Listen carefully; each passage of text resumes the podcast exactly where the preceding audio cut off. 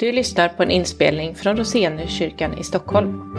Vi vill ha Jesus i centrum, stå på Bibelns grund och vara ett andligt hem med hjärta för Stockholm. Vill du veta mer om Roseniuskyrkan? Kolla in vår hemsida eller hitta oss på Facebook. Du är också hjärtligt välkommen till en av våra gudstjänster, söndagar klockan 11. Dagens evangelietext kommer från Johannes evangeliets 20 kapitel, verserna 1 till och med 18. Vi står upp och hör evangeliet i Jesu namn. Tidigt den första veckodagen, medan det ännu var mörkt, kom Maria Magdalena ut till graven och fick se att stenen var borta från graven. Hon sprang därifrån och kom till Simon Petrus och den andra lärjungen, den som Jesus älskade, och sa till dem de har tagit bort Herren från graven och vi vet inte var de har lagt honom. Då rusade Petrus och den andra lärjungen ut mot graven. Båda sprang på samma gång, men den andra lärjungen sprang fortare än Petrus och kom först fram till graven. Han lutade sig in och såg linnebindlarna ligga där, men han gick inte in. Strax efter honom kom Simon Petrus. Han gick in i graven och såg också linnebindlarna ligga där och duken som hade täckt huvudet. Den låg inte tillsammans med bindlarna utan hopvikt på ett ställe för sig. Då gick även den andra lärjungen in, han som hade kommit fram till graven först, och han såg och trodde. Tidigare hade de nämligen inte förstått skriftens ord att han måste uppstå från de döda. Därefter gick lärjungarna hem igen. Men Maria stod utanför graven och grät. När hon gråtande lutade sig in i graven fick hon se två änglar i vita kläder sitta där Jesu kropp hade legat. Den ene vid huvudändan och den andra vid fotändan. De frågade henne, kvinna, varför gråter du? Hon svarade, de har tagit min herre och jag vet inte var de har lagt honom. När hon hade sagt det vände hon sig om och såg Jesus stå där, men hon förstod inte att det var han. Jesus frågade henne, kvinna, varför gråter du? Vem söker du? Hon trodde att det var trädgårdsmästaren och sa till honom, Herre, om det är du som har burit bort honom, så säg var du har lagt honom så jag kan hämta honom. Jesus sa till henne, Maria. Då vände hon sig om och sa till honom på hebreiska, Rabuni. Det betyder lärare. Jesus sa till henne, rör mig inte, för jag har inte stigit upp till Fadern än, stigit upp till Fadern än. Men gå till mina bröder och säg till dem att jag stiger upp till min far och er far, till min Gud och er Gud. Maria Magdalena gick då och berättade för lärjungarna att hon hade sett Herren och att han hade sagt detta till henne. Så lyder det heliga evangeliet. Lovad vare du, Kristus.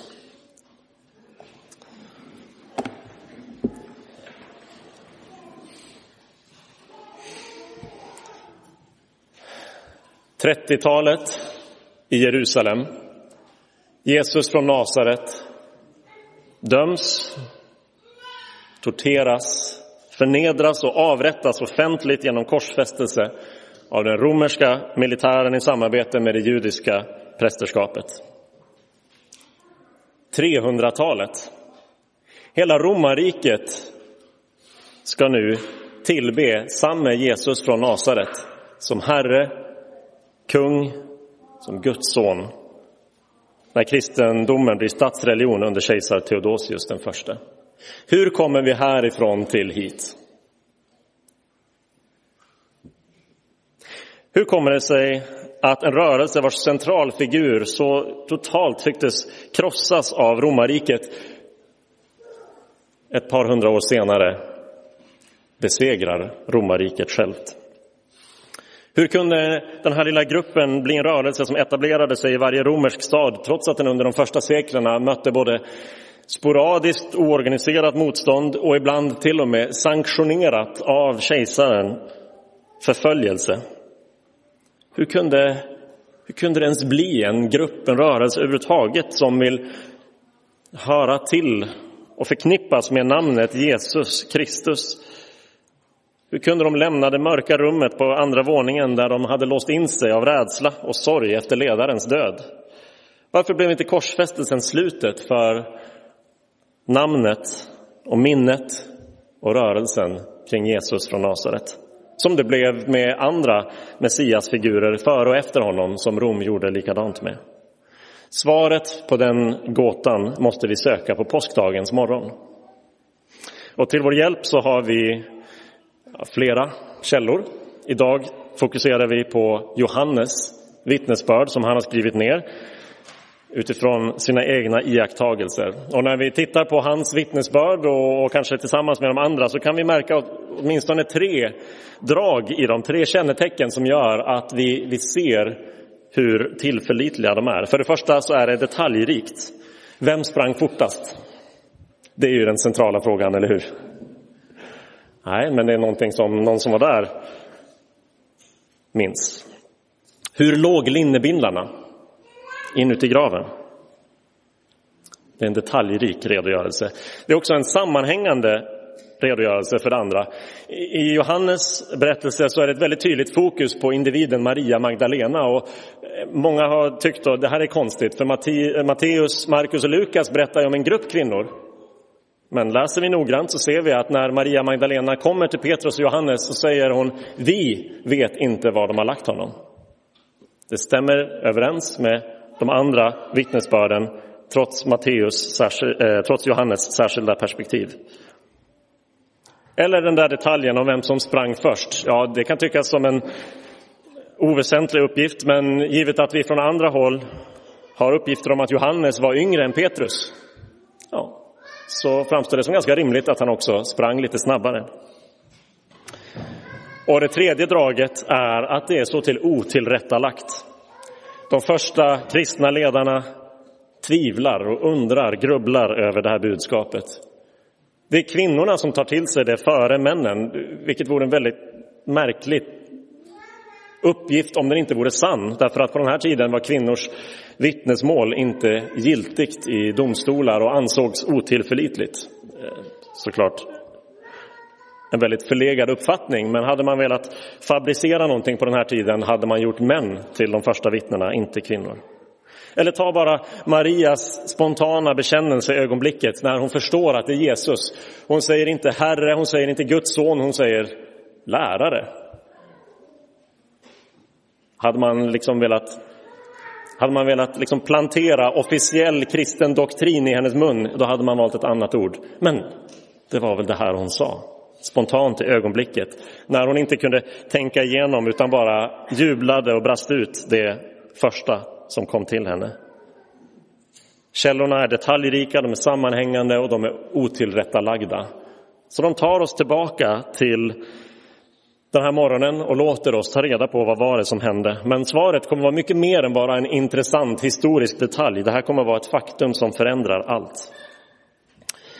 Eh, avsnittet vi läste sitter naturligt ihop i, i två delar. Vi har de första tio verserna som handlar om upptäckten av den tomma graven och sen vers 11 till 18 som handlar om mötet med Jesus. Så vi börjar med den tomma graven. Det är tre personer som vi eh, får syn på som är på väg ut till graven. De är ganska olika. Det är Maria, det är Johannes, det är Petrus. De har olika förväntningar, de har olika drivkrafter som tvingar dem ut till graven den här morgonen. Maria är där för att sörja, för att fullborda begravningen genom att eh, ta hand om kroppen, smörja in den med ytterligare örter och kryddor. Johannes anger att det är mörkt när hon går dit och för Johannes så är ljus och mörker är motsatspar. Han använder gång på gång i evangelierna som, som något mer än bara rent beskrivningar av klockslag eller så här. Alltså det är verkligen ett mörker, inte bara för att det är tidigt på morgonen utan det är ett mörker i Marias liv. Hon har inte förstått vad som har hänt och hon är fullt, eh, helt och fullt överväldigad av sorg. Den enda mannen som någonsin förstått henne och brytt sig om henne är borta. Hon sitter så fast i sin förtvivlan att hon utgår från att det är gravplundring som har ägt rum när hon ser att graven är tom. Johannes, han som springer snabbast, han drivs såklart säkert av sorg också. Han har också förlorat en dyrbar vän i Jesus, men också av en väldig nyfikenhet. Att springa in och titta in i graven. Johannes är tänkaren, ser vi i hans evangelium, som, som eh, vill förstå vem denne Jesus verkligen är och nu måste han ta reda på hur ligger det verkligen till. Petrus, såklart, har både sorg och nyfikenhet men ytterligare en komplicerande faktor givet att han förnekade Jesus tre gånger under kvällen Jesus greps. Senare i Johannes evangeliet får vi läsa om när, eh, när Jesus visar sig för Petrus och vi märker att den liksom knut och det komplex av skuld som Petrus har i sitt hjärta helt klart är något Jesus måste ta itu med. Det finns där, där han springer ut eller joggar kanske bakom Johannes ut i graven. Så de har olika saker som driver dem ut i olika eh, drivkrafter och förväntningar på vad de ska möta. Men de har två saker gemensamt. Alla springer. Jesu uppståndelse är för avgörande. Det kan inte vänta. Tänk om det är sant. Tänk om det finns hopp om att få tillbaka honom. Tänk om jag skulle kunna få försonas med honom. Vilken drivkraft de än har, vad det än är de tänker, så springer de alla för att ta reda på vad som har hänt. Det andra de har gemensamt är att de har missat skriftens ord och allt som har lett fram till det här ögonblicket. Johannes poängterar det i vers 9. Tidigare hade de inte förstått skriftens ord att han måste uppstå från de döda. Det är som att han poängterar att när, när han tittar in i graven, i vers 8 står det hur han tittar in och han ser hur bindlarna ligger, då trillar poletten ner och han tror. Han ser och han tror, står det. För tidigare hade de inte gjort det. Alltså underförstått, de hade kunnat göra det. De hade kunnat förstå att det här var pusselbiten som behövdes. Det var, här, det var den här punkten som hela Gamla testamentets skrifter var på väg till. Herrens tjänare som skulle lida och segra för Herrens folk. Men de hade inte förstått det. Vi kan ha väldigt olika förväntningar och drivkrafter när vi kommer hit idag eller när vi närmar oss frågan om Jesus och Jesu uppståndelse. En del människor drivs av intellektuell nyfikenhet.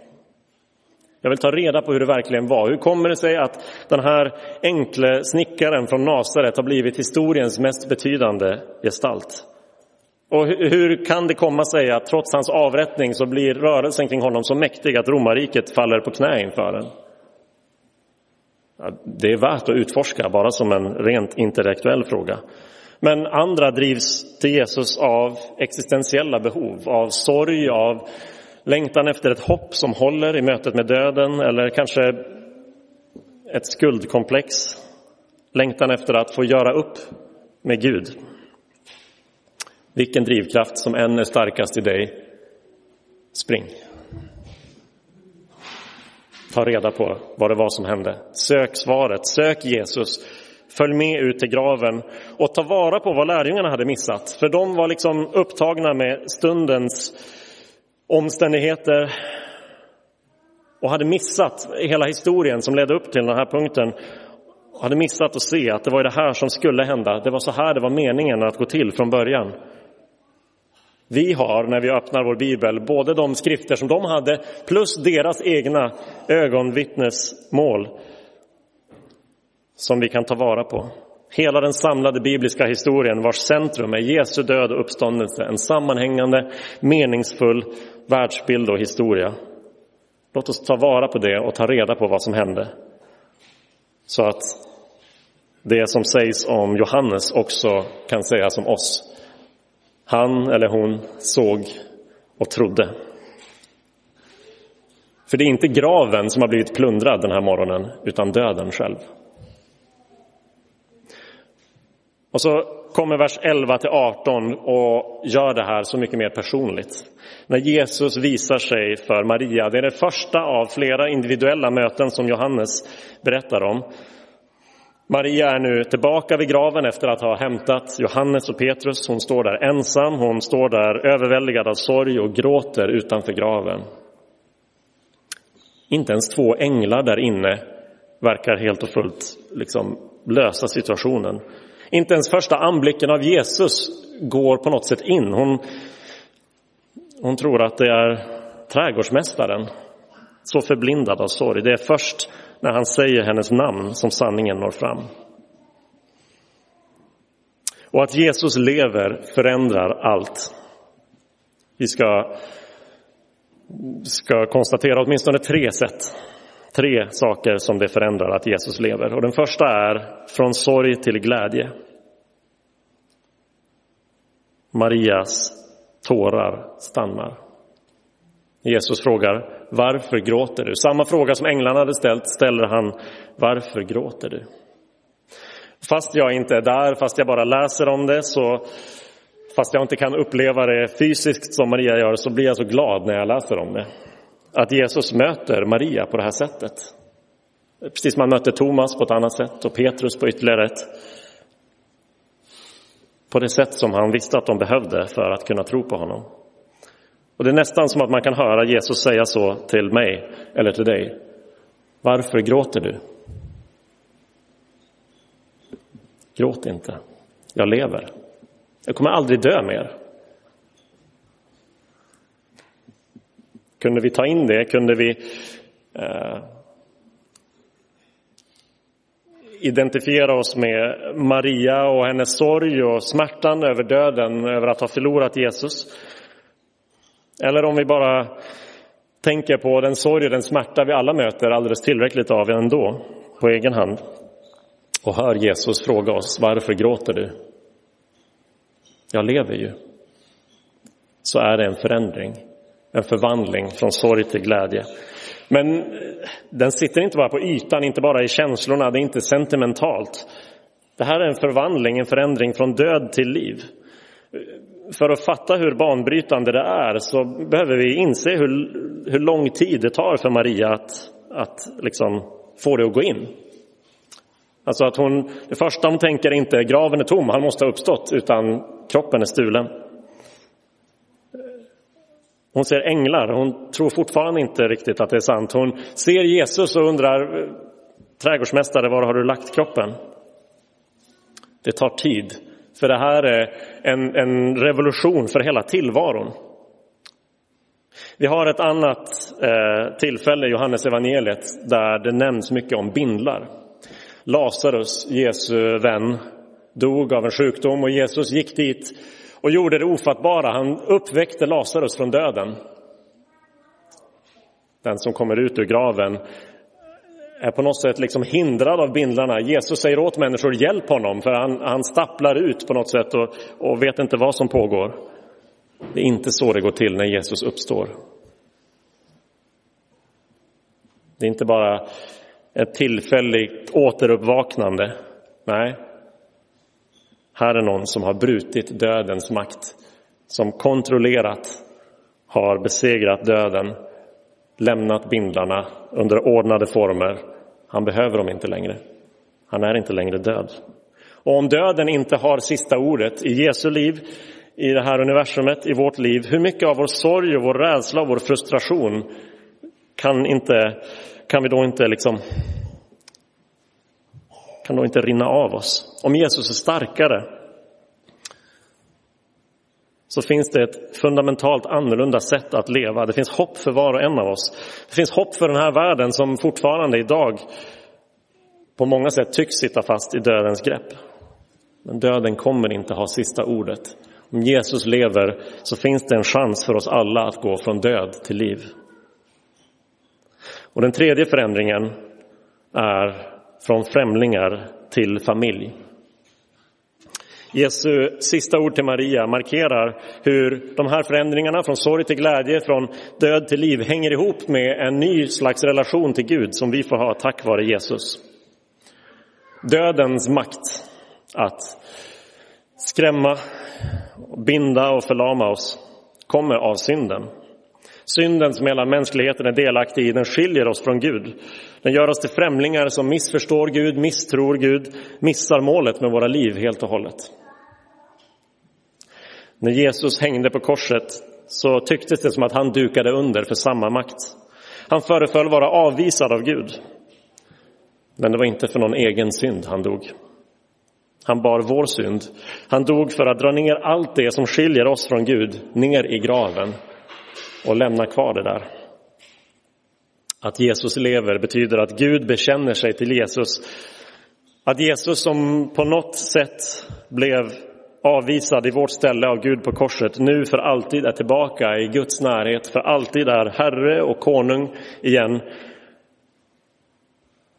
Men Jesus säger inte bara min Gud och min far. Han säger er Gud och er far.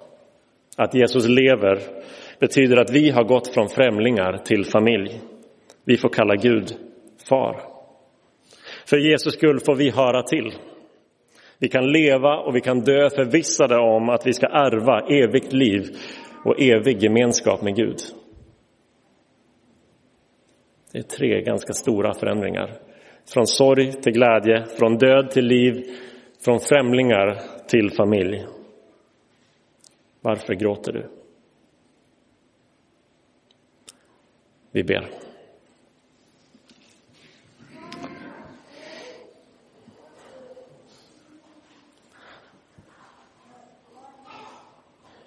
Jesus, vi ber att du ska hjälpa oss att komma till samma punkt som Johannes och Maria gjorde. Hjälp oss att se och tro. Och hjälp oss att höra dig när du frågar varför vi gråter. Hjälp oss att förstå hur ditt liv, ditt eviga, oövervinneliga liv